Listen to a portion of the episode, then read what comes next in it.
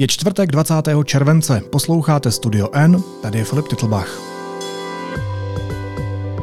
Dnes o tom, proč se tak řeší Barbieheimer.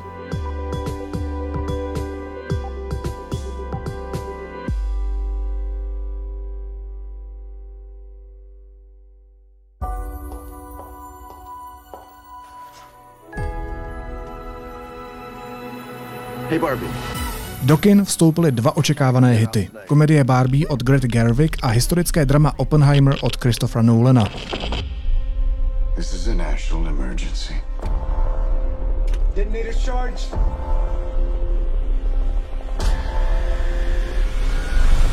Bitvu mezi trháky už filmoví fanoušci označili názvem Barbieheimer.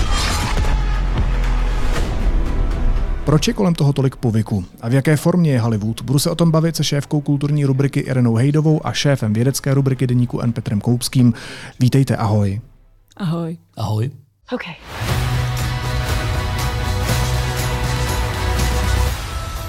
Wow, this is the real world. Vy jste se právě vrátili z promítání. Vysvětlete mi, proč se kolem těch dvou snímků děje takový bordel? Kde se vzalo to ohromné očekávání?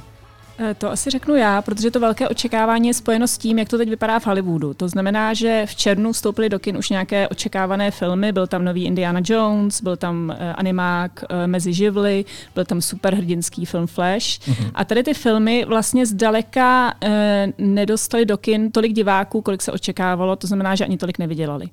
A nejen proto, ale i kvůli dalším okolnostem, včetně stávky v Hollywoodu, o které se třeba budeme ještě bavit, se prostě očekává, že zrovna ty tyto dva filmy by mohly zvrátit tady to a vrátit ty diváky ještě víc do kin, protože stále ještě jsme v kinech jako po covidu a stále ještě uh, ta kina vlastně nedokázala ty diváky úplně přilákat tolik, jak se očekávalo.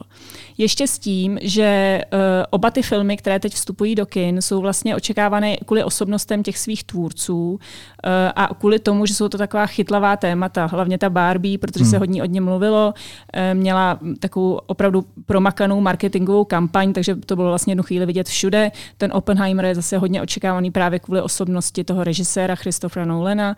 Takže je tam několik faktorů, které opravdu hrají pro to, aby tady ty filmy dokázaly ty uh, diváky do těch kin vrátit. Ty už si dlouho nezažil, Petře, takový filmový nadšení, že by se na něco těšil, jak říká Irena? No v podstatě je to pravda. Já ze sebe nebudu dělat ještě většího Barbara a ignoranta, než jsem. Občas chodím do kina a rád se dívám na filmy, ale je pravda, že na film Oppenheimer se těším vlastně celou dobu, co vím, že se chystá, to znamená minimálně rok. My se budeme bavit o dvou filmech, což je vždycky náročný bavit se o kinematografii, když nechceme spoilerovat. Tak eh, já slíbím za nás, za všechny tři, no za sebe určitě, protože já jsem to neviděl, ale za vás dva se pokusím taky slíbit, že se pokusíme co nejméně spoilerovat. Tak na to prosím myslete. Ale kdybys mi, Ireno, mohla tak obšírně říct, uh, o čem je příběh Barbie, co si na tom plátně viděla? You já řeknu jenom to, co nebudou spoilery. Dobře. Řeknu a to, co bylo často už patrné z těch trailerů, které byly postupně tak jako uvolňovány pro ty diváky, aby se navnazovali na to, že to opravdu je událost sezóny. Aby řekla aspoň něco, ale. E, ano, e, je ta hlavní hrdinka je Barbie a její e, vedlejší hlavní hrdina je Ken, což je očekávané, ale těch Barbie je tam mnohem víc samozřejmě a Kenů také, takže to je trošku matoucí. Ale ta hlavní Barbie, kterou hraje Margot Robbie a hlavní Ken, kterou hraje Ryan Gosling, tam mají takový jako vztah, že ona jim trošku opovrhuje, on uh, za ní trošku dolejzá, žijí v idylickým způsobem života v Barbielandu, kde je to úplně úžasný, protože ženy tam vládnou světu, jsou prezidentkami, zasedají v nejvyšším soudu, ovládají všechny prostě. pozice, totální matriarchát. Pak se ale stane, že Barbie se začne dít něco strašného. Poprvé jí napadne, že existuje smrt. A také se jí stane to, že, a to můžu říct, protože to, to bylo už v těch trailerech, jo. poprvé se jí stane, že její nohy se sploští, že už nenosí, nemůže nosit podpatky, protože ty mhm. nohy takhle klesnou jako dolů.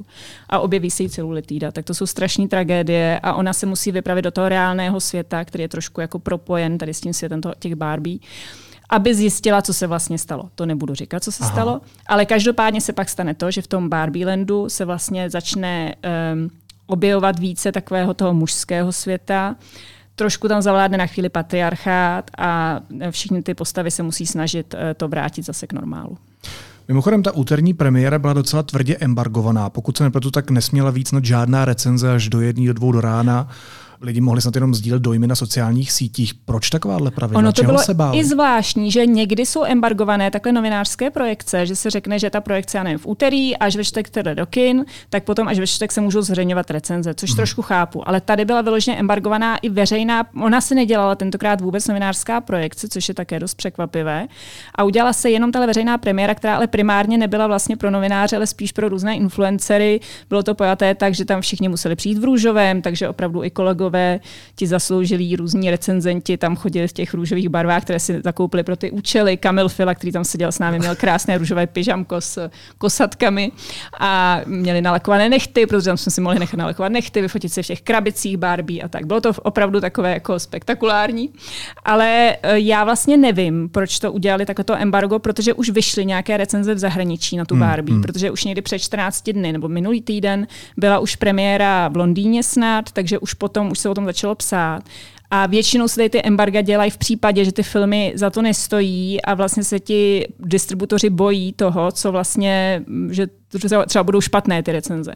Ale u tohohle filmu se vlastně i dalo očekávat a v podstatě se to už začíná potvrzovat u těch prvních recenzí, že ten film je skvělý a že opravdu málo kdo to bude kritizovat. Jsou tam nějaké sporné body, jako třeba, že opravdu ty myšlenky toho feminismu to občas tlačí až jako moc schematicky a tak hmm. jako polopaticky, což si vysvětlují tím, že tam opravdu na to půjdou i třeba menší holčičky, tak aby se jim to dostalo pořádně do hlavy, aby to pochopili. Indoktrinace. Ano, ale zároveň uh, jako nemám pocit, že to bylo nějak udůvodněný to embargo pořádně, no. nebo že to mělo smysl. Takže se báli, myslíš? Já nevím, čeho by se báli. Jako spíš možná udě- chtěli posílit ten hype kolem toho, protože vlastně opravdu už půl roku nebo rok se mluví o tom, že Barbie půjde do kin, postupně se pouští ty jednotlivé trailery, takže jako oni vlastně zvyšují furt to očekávání a možná tohle byla součást strategie zvyšování toho očekávání, že o tom všichni začnou psát jo, až z té premiéry, kde se opravdu fotili ty influencerky v růžových hábitech jako na ty své sociální sítě a začali o tom okamžitě potom hned psát a novináři teda o tom mohli začít psát až teda od jedné v noci, ale tak jako na sociální sítě jsme to mohli psát předtím taky, takže snad dobrý. Zdravíme Kamila Filu v růžovém. Ty jsi byla taky? Já jsem byla tam včera, no. Ale v růžovém? Jako. E, já jsem měla eh, růžovou takovou košilku. Petře, to je ten důvod, proč ty jsi nebyl na Barbie? Eh, důvod, proč já jsem nebyl na Barbie, spočívá hlavně v tom, že mě tam nikdo nepozval. Aha. Ale šel bys ne? Já bych něco růžového taky doma našel. No vidíš. Splnil bys tuhle podmínku. Splnil. No, ty si říkala, že jsou tam vlastně promítány různé feministické postoje. Ono se to od toho filmu hodně očekávalo.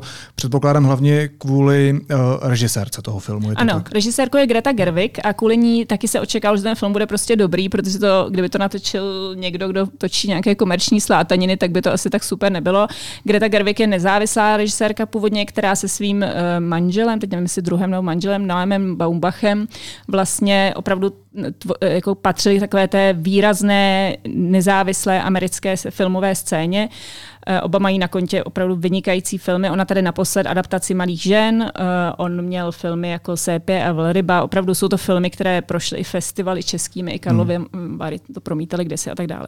A opravdu oni společně napsali ten scénář a ona to režírovala a dalo se očekávat, že ten film bude takový jako podvratný, že na jednu stranu opravdu se najde každý, co chce, jo? že tam byly na té projekci i malí děti kolem, já nevím, 8-10 let a těm se to líbilo, jak je to krásně růžový a plastový a úplně jako koukali na ty kostýmy a byli vlastně tím uhranutý a jeli si tam nějakou linku příběhu, která byla pro ně vlastně hmm. zajímavá a ty jejich maminky, co tam seděli, zase tam vnímali něco úplně jiného. Jo? A mě to vlastně bavilo, že ten film cílí na ty různé skupiny tím, co je jako vlastně má šanci oslovit a uspokojit a myslím si, že opravdu stojí za to vidět. Jako není to opravdu film pro malé děti, je to fakt spíš pro mm, dospělí, případně pro větší děti. Ale je to mnoho vrstevnatý film. Určitě. Ano. No a ještě poslední otázku mi, uh, mi není prosím tě odpověz, jo, tematicky. Jak jde vlastně dohromady ten plastikový svět, o kterým jsi mluvila, to, co tam vidí hlavně ty děti, uh, ta mainstreamová podoba krásy, což Barbie prostě jako dlouhodobě uh, akcentuje, a feminismus? Já bych tímhle ale trochu spojilovala že bych asi tím trochu prozradila, uh, jako ono se to v recenzích objevuje, Ale jestli jsme se bavili o tom, že uh, já jsem byla na té na projekci s kamarádkou, která neviděla ani trailer dopředu a fakt se to hrozně užila díky hmm. tomu, že opravdu dopředu o tom nic nevěděla. Já jsem tak jako předpokládala, že tam bude ten feministický akcent, že tam bude ten boj s tím patriarchátem a tak dále. A vlastně mě to nadchlo, jak to tam je zpracované, ale když o tom nic nevíš a jdeš na to, což ti vřele doporučuju, tak opravdu si to užiješ mnohem víc.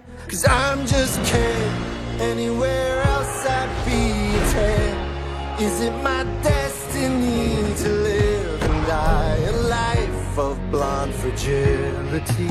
Já tam půjdu, protože ty si mi slíbila, že mi přineseš nějakou masku. Plácačku. Plácačku?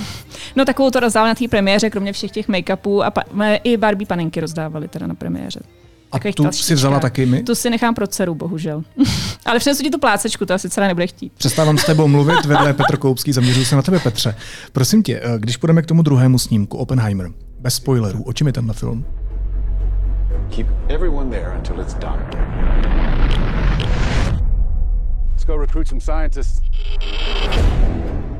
Tak já to mám jednodušší. Těm spoilerům se vyhnu snadno, protože to je historický film, životopisný, který velice přesně, opravdu velice přesně sleduje životní osudy Roberta Oppenheimera, fyzika, který je znám trošku nepřesně, ale je tak znám jako otec atomové bomby. Hmm. Byl vědeckým ředitelem projektu Manhattan, projektu, kdy za války v Los Alamos vyvíjeli američani atomovou bombu a posléze ji tedy vyvinuli a nakonec použili v Japonsku, jak všichni víme z učebnic dějepisu. A e, tohle e, je jeho příběh, e, který je zajímavý tím, že už jenom tím, že on to byl takový velice nepravděpodobný uh, hrdina pro tuhle úlohu. Byl to člověk, který byl geniální a zároveň byl cvok. Eh, což myslím skoro klinicky, měl opravdu velké problémy, velké výkyvy a zároveň byl ale neuvěřitelně okouzlující. A eh, Člověk by nečekal, že někoho takového si vláda Spojených států a jejich ozbrojené síly vyberou jako ředitele mm. nejcitlivějšího a nejdůležitějšího zbraňového projektu, jaký se v té zemi kdy dělal. To, že se to stalo, je zvláštní, ale prokazuje to uh, veliký personální cit, řekněme, který ti lidé měli, protože Oppenheimer se toho úkolu zhostil uh, řekl bych až příliš dobrým způsobem. Všechny špičkové vědce, kteří tou dobou ve Spojených státech byli a které se tam podařilo z různých končin světa dostat, eh, tak přesvědčil, že tohle je ta správná věc, která se má dělat. Vlastně sejmul z nich svou osobností, takovou tu tíhu pochybností, jestli je to zrovna správná věc a morální vyvíjet eh, strašlivě ničivou zbraň. You are the man who gave them the power to destroy themselves and the world is not prepared.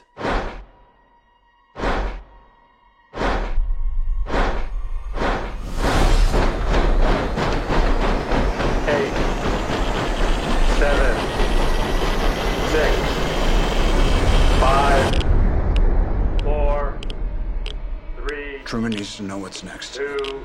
What's next? One. Já se chytnu dvou klíčových slov, který se řekl. První to klíčové slovo je životopisný, druhé klíčové slovo je slovo přesný. To se dokonce použil dvakrát nebo třikrát. Spousta lidí, když jde na životopisný film, tak se z toho často odnáší eh, dojem, že to je opravdu přesný popis života toho člověka. Děje se to v tomhle případě?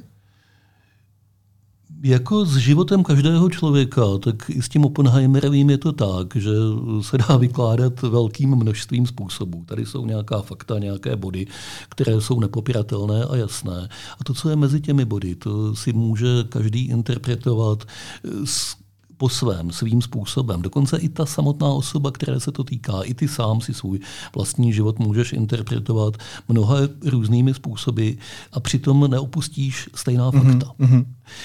Čili ten film je pochopitelně jedním z mnoha možných příběhů, které se dají o Robertu Oppenheimerovi vyprávět. Ten člověk má sepsanou řadu literárních životopisů. Ten film je podle jednoho z nich, podle toho, který je asi nejúspěšnější a nejznámější, napsal Kai Barth, eh, jmenuje se Americký Prometheus, ta kniha.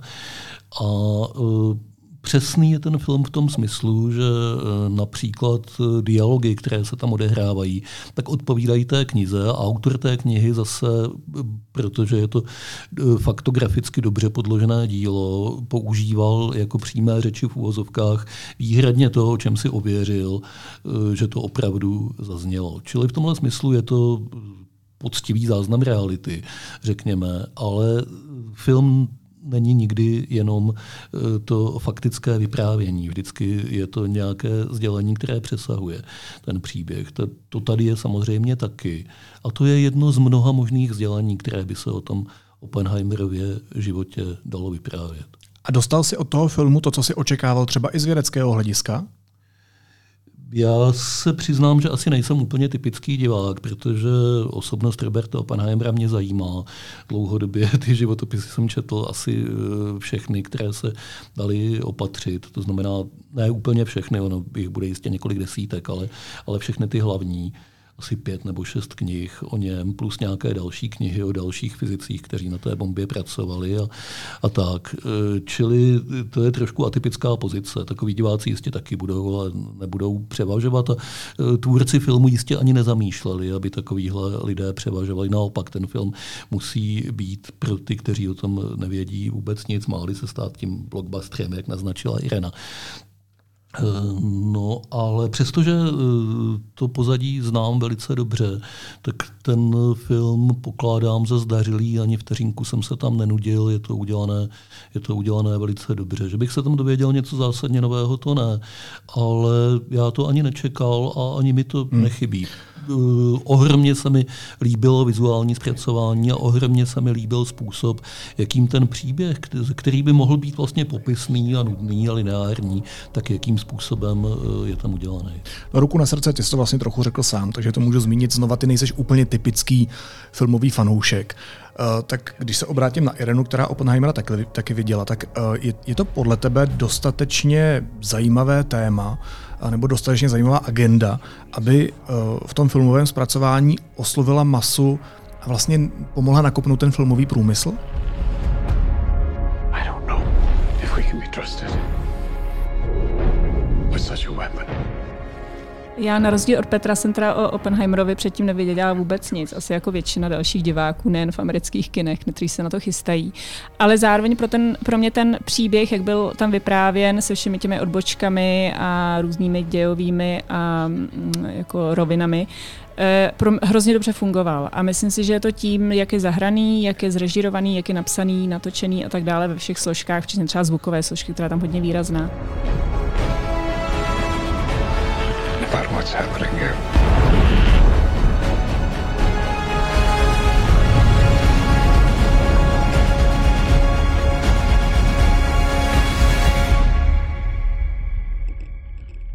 A já vlastně i jsem si sama říkala na začátku toho filmu, který má opravdu tři hodiny, jsou některé pasáže, které hodně jako vysvětlují. Není to tak didaktické jako výklad feminismu občas v té Barbie, ale zároveň e, jsem cítila, i když jsem o tom nic nevěděla, jsem cítila, že mi chtějí nadspat do hlavy všechny ty vědomosti, které nemám hmm, hmm. a že vlastně, e, ale není to nějak jako očividný, jako otravný. Opravdu člověk to potřebuje všechno se dozvědět, aby nějak s tím příběhem a s těmi postavami mohl jít. A s tím očekáváním v těch kinech, já jsem zrovna dneska si ještě teď předtím, než jsme sem šli, četla nějaký text v Hollywood Reporteru, kde vlastně předpokládají, že teď ten, oni vždycky nejvíc sází na ten otevírací víkend v těch amerických kinech, s tím, že oba ty filmy měly rozpočty kolem 100 milionů dolarů a předpokládají, že ta Barbie by během prvního víkendu mohla tady tu částku v domácím box officeu, jako v, tom, v těch domácích tržbách v Americe, získat. Mm-hmm. Vlastně tu stejnou, co jako do toho bylo investováno. Takže okamžitě ta... do černých čísel. Ano, prostě. no v podstatě ona mě... ne, to tak přesně není, to vysvětlujeme zase v jednom článku z minulého týdne, že úplně to není hned do černých čísel, ale je to jako super start. Mm-hmm jestli to jako klapne. A u toho Oppenheimera čekají tak poloviční ty tržby, jo, což je furt super, jako kdyby měl 50 milionové tržby, ale jako zároveň se, jako i když jsem viděla oba ty filmy, tak jako cítím, že na Barbie budou asi ti diváci chodit mnohem víc než na Oppenheimera, protože ten Oppenheimer je samozřejmě trošku náročnější. Je to, za prvé je to teda delší stopáž a za druhý jako vlastně nevím, jak moc přiláká diváky film o fyzikovi, jakkoliv skvělý a dobrodružný, vlastně dobrodružný je, jo, to opravdu ta fyzika je tam takové dobrodružství, jo. Ale zároveň chci říct ještě jednu věc, že teď vlastně plno kin, nejen v Čechách, ale i v Americe, dělá takový dvojprogram, že můžete jít třeba do Světozoru nebo já nevím kam a dát si ty dva filmy za sebou, i když je to dohromady pět hodin v kině. Jo? A to je docela jako tematická nálož zvláštní, Je, je to i tak zvláštně, jako, že opravdu jsou úplně protikladné, ale tím možná spíš to vydržíš, jo? protože si dáš nejdřív třeba, já nevím čím začít, možná teda tím Oppenheimerem ten je asi takový těžší, ale jsou to tři hodiny, pak si dát pauzu třeba 20 minut a jít znovu do toho kinosálu. A asi výsledkem bude takový trošku zmatek v té hlavě, ale zároveň oba ty filmy jsou filmové události, které prostě člověk hrozně jako musí vidět, podle mě. Je to mascí. Jo. No a Petře, eh, tam nebyl žádný dress code, nemusel se být převlečen za fyzika prostě, nebo nebyla nebo tam žádná si malou bombičku v roce. Uh, tak uh, dress code fyziků v Los Alamos, kde se odehrává větší část toho děje, byly pracovní boty farmářské, džínsy a košile z hrubého plátna. Já jsem tomu zhruba odpovídal, až na to, že jsem si vzhledem až na to, že jsem si vzhledem k počasí vzal trošku lehčí boty. To, co jsem neměl, to byl typický klobouk Roberta Oppenheimera, protože ten pořád zaháním, mně se strašně líbí, to byl takový jeho trademark, který nosil klobouk typu pork pie a e, ten si určitě jednou opatřím, ale zatím ho nemám třeba nás poslouchají nějací kloboučníci, kteří tě ho pošlou nakonec do redakce, ale ta otázka, uh, ta otázka se směřovala k něčemu jinému. Vlastně se ptám na to, mezi řádky, Uh, jestli Oppenheimer neměl prostě horší marketing, jestli ty tržby prostě nebudou horší kvůli tomu. Třeba to téma se dalo víc, jak si Nasvítit. Jako ono je těžké to předjímat, samozřejmě to jsou všechno jako nějaké jako predikce, které nemusí klapnout, jo. Ale zároveň uh, jako myslím si, že když si lidi volí, na co půjdou do kina, tak asi svědčí jako pravděpodobností půjdou na dvouhodinovou v podstatě na první pohled komedii o Barbie, hmm. na kterou můžou jít v podstatě i děti, což jsou jako často jako další jako vydělávače dolarů v těch kinech. A než na film o fyzikovi, jako opravdu vlastně eh, pro filmové fanoušky je osoba režiséra filmu Oppenheimer Christopher Nolana jako opravdu top, jo, na co se teď dá jít. Jako každého film je událost. Ale nevím, jestli běžný publikum, co chodí do multikin, jsou úplně hmm. ty filmoví fanoušci tohoto typu. No. Nevzal bys děti na Oppenheimera, Petře? Já mám děti eh, dost velký na to, že tam půjdou sami. A eh, ty ale máš na mysli tak, takový ty děti v tom uh, něžném věku. Asi ne. To, o čem se hodně mluví, je, je vlastně jako souboj, že to je souboj titánů. Tak kdybys měla ohodnotit, kdo zvítězil, kdo vyhrál z filmového pohledu, tak je to kdo? Barbie nebo Oppenheimer? Ty filmy jsou tak strašně až protikladné, jo, tak se to hrozně blbě říká, protože já jsem, ještě jsem je vlastně viděla záhy po sobě, protože včera večer jsem byla na Barbie a dneska ráno na tom Oppenheimerovi a oba ty filmy jsem si strašně užila, i když každý je úplně jiný. U té Barbie jsem se opravdu v podstatě smála od začátku do konce. Ale neznamená to, že když jsem se u Oppenheimera nesmála a jenom jsem jako zírala a nedokázala jsem spustit oči z toho plátna, že to byl horší zážitek. Oba hmm. jsou opravdu strašně působivé a v podstatě se hrozně dobře doplňují, jo, protože jako tím, jak jsou protikladné a tím, jaké vlastně protikladné ty divácké emoce jako vzbuzují. No. Ty jsi mi neodpověděla, tak dobře, tak v pravý ruce máš to se Barbie, nedá vybrat. v levý ruce máš Oppenheimera, musíš prostě zvednout jednu ruku, která by to byla. Úplně. No tak jako to je, no tak asi Barbie, no. Dobře. Ale, ale je mi to líto, jako určitému Oppenheimerovi. uh, řekni mi, ale co se, co se vlastně teď děje v Hollywoodu, protože to je taky jeden z těch velkých důvodů, proč se o tom tolik mluví, nebo proč je to téma tolik nasvíceno. Pokud se nepletu, tak uh, tam snad po 63 letech se docela brutálně stávkuje. Kvůli čemu?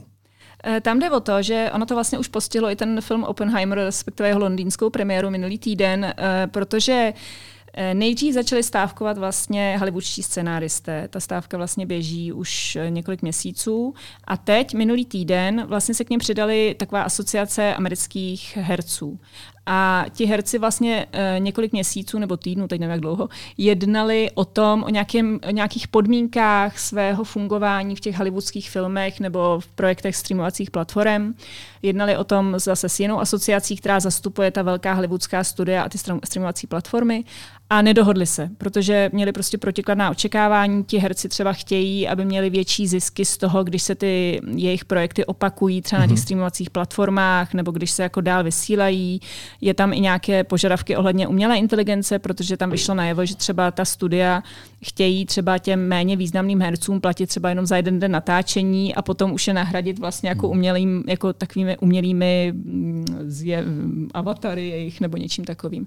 Byly se tam prostě jako protikladná očekávání a oni se nedohodli a herci kvůli tomu vstoupili do stávky, která právě zasáhla už třeba i tu londýnskou premiéru, protože oni v rámci té stávky mají zakázanou i nejen natáčení, ale třeba i účast na premiérách, takže právě eh, Murphy i další herci odešli z té londýnské premiéry, protože vlastně mají zákaz, nemůžou propagovat ty své filmy v médiích v rámci té stávky, nemůžou ani se fotit nebo dělat zkoušky kostýmů, nemůžou v podstatě teď nic, můžou sedět doma a odpočívat, protože hmm. opravdu cokoliv další by bylo brané jako propagace těch filmů. A teď doufají, že vlastně tím jako donutí ty producenty, aby jako se nějak dohodli. No. Ale teď v současné době je to furt tak jako čerstvé, protože to opravdu se rozjelo na konci minulého týdne, že se nedá moc predikovat, jak se to bude vyvíjet dál. Každopádně plno těch hollywoodských natáčení teď stojí. My jsme měli v jednom článku i citovanou vlastně jednu um, Češku, která pracuje v Londýně ve filmovém průmyslu a ta psala vlastně, že už jenom teď jim dojíždí nějaké projekty a že od tohoto týdne vlastně už nebudou mít práci s manželem, který také pracuje ve filmovém průmyslu, protože prostě se musí počkat, jak to jako dopadne a nikdo vlastně neví, jak to dopadne. Petře, ty jsi jeden z lidí, kteří jako dlouhodobě upozorňují na to, že umělá inteligence je věc, která nás velmi výrazně ovlivní a která ovlivní spoustu a spoustu profesí. Napadlo by tě v posledním roce, že něco takového může být zásadním aspektem, který může skoro zastavit Hollywood? Asi ne, že se to stane tak rychle. Je vidět, že za prvé ta hollywoodská studia se snaží tu technologii využít skutečně v první možný okamžik, kdy to jde. A je taky vidět, že ti, kterých se to týká a může to připravit o chleba, na to reagují velice citlivě a hmm. pohotově, hmm. protože si uvědomují, co je v sázce. Takže mě nepřekvapuje, že se to děje, překvapuje mě, že se to děje tak brzy. A to vlastně opakuju eh, stejný motiv týkající se umělé inteligence pořád dokola. Všechno to, co se děje, je vlastně očekávatelné, ale jde to mnohem rychleji, než se dalo čekat. Ono je to také tak, že ti producenti vlastně tu smlouvu vždycky vyjednávají na dobu, myslím, čtyř nebo pěti let. Takže jako já myslím, že dopředu tam už kalkulují věci, které třeba ještě teď nejsou hmm, technicky mm, tak hmm. dokonale vlastně začleněné do té praxe, ale musí se s nimi do budoucna počítat. No. Ale vlastně je naprosto logický, že Hollywood je jedno z prvních míst, kde se tohle rozjíždí, protože myslím, že my si dost často ani neuvědomujeme, jak složitá technologie za dnešním filmem stojí a, a jaká špičková technika se tam používá, čili je naprosto očekávatelné, že se budou snažit využít i tohle. Ale je to na hraně a zřejmě za hranou toho, co je ještě přijatelné pro tu dlouhodobou tradici. Tak to je negativní stránka. A ještě poslední otázkou pozitivní stránku. Změní se třeba kvalitativně ten divácký zážitek z toho filmu při využití umělé inteligence? Já si myslím, že to bude podobné jako v těch dalších disciplínách, kde se ta umělá inteligence začíná využívat. A chtěla jsem v té souvislosti říct, že i ta Barbie, i ten Oppenheimer jsou uh, jako i když ta Barbie pracuje s takovým fikčním plastovým světem, tak celý ten svět byl fakt postavený v ateliérech a nebylo to, že by tam bylo jako vyrobené to nějak digitálně, jo. i když jako vlastně mohli to vyrobit digitálně. A to samé vlastně u toho Oppenheimera. Jsou to opravdu v tomto ohledu filmy takového toho klasického starého střihu. A myslím, že na takovéhle filmy se furt bude chodit, i když bude možnost tady ty třeba věci, tu scénu a podobně vytvořit digitálně. Bude to podobné, jako když se budou pořizovat jako eh, roboti do domovů důchodců, kteří budou sedět u těch důchodců, ale připlatí si člověk za tu lidskou sílu. Tak tady stojí za to podle mě jako si připlatit za tu lidskou sílu. To je rozhodně pravda u toho pana Heimra. Ta atmosféra těch 40. a 50. let, kdy, do kterých je to zasazeno, je ohromně zesílena tím, že se to všechno dělalo tím tradičním způsobem, že to městečko v poušti, kde ti vědci žili opravdu poctivě, tam postavili ze dřeva je to velice působivé. A myslím si, že ten rozdíl mezi tím digitálním trikem a, a tímhle tím způsobem bude patrný ve filmu vždycky. Ten Barbie Land je vlastně taky městečko v poušti. Takže je to duše. My jsme se o tom nedávno trochu hádali Petře spolu při debatě o umělé inteligenci. Nehádali, my se nikdy nehádáme. Dobře, tak přeli. My jsme se trošku přeli o tom. Povídali jsme si o tom. Povídali jsme si tady, měli jsme takovou hezkou debatu spolu a já jsem ti říkal, že duše je to, co dělá rozdíl mezi umělou inteligencí a člověkem. Něco, za co si, jak říká Irena, možná budeme připlácet. Není to tak? Je to tak, je to, je to určitě tak. Samozřejmě je tady vždycky možnost, že i tohle se podaří napodobit tak dobře, že už nepoznáme ten rozdíl. Ale možná proto, vlastně, když se vrátím k, té, k tomu, co, o čem jsme se bavili na začátku, propadly i ty filmy z toho června, protože to byly opravdu takové jako digitální projekty, jo? že ten Indiana Jones obsahuje toho digitálně omlazeného Clinta Eastwooda a pak je tam animovaný film, ten superhrdinský film, který se nedá natočit bez těch digitálních triků. Zatímco tyhle dva filmy jsou opravdu ten starý dobrý Hollywood, podle mě. Vlastně dnešní filmové epizody byly digitálně neomlazení, šéfka kulturní rubriky Irena Hejdová, šéf vědecké rubriky Petr Koupský, šéf podcastu se s vámi loučí. Mějte se hezky, ahoj. Ahoj. Ahoj. I'll see you on the Malibu beach.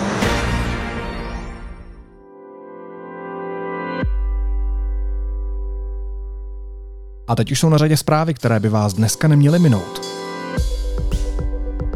Poslanecká sněmovna schválila česko-americkou obranou dohodu. Proti byli prakticky jen poslanci SPD. K ratifikaci zbývá už jenom podpis prezidenta Petra Pavla. Dezinformátor Tomáš Čermák si odpiká pět a půl roku vězení za to, že vyzýval lidi, aby i za použití násilí zabránili přijetí novely pandemického zákona. Souhrný trest za podporu a propagaci terorismu mu pravomocně potvrdil vrchní soud v Praze.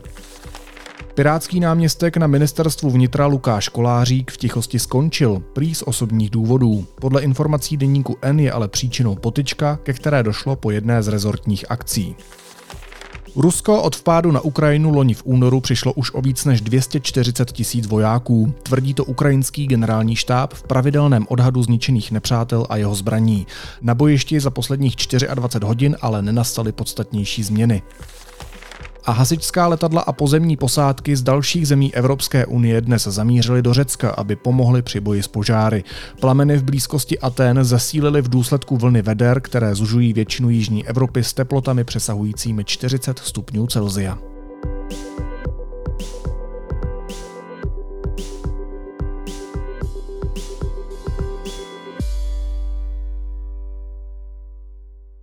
A na závěr ještě jízlivá poznámka. Lidovci začínají poprvé připouštět, že by stejnopohlavní páry mohly získat část rodičovských práv. Poslance Jiřího Nevrátila k názorovému posunu přiměl i osobní průzkum mezi jeho LGBTQ přáteli. Pamatujete si, jak tehdy europoslanec Zdechovský počítal ve své straně lesby a geje? Tak lidovci jdou s dobou a metody observace kvír lidí už zmodernizovali. Pan Nevrátil podle svých slov rozposlal zprávu zhruba 160 lidem přes aplikaci WhatsApp. Vítejte v 21. století, v době, kdy lidovci přes WhatsApp řeší, jestli vám přidělí 20 anebo 30 deka práv. Naslyšenou zítra.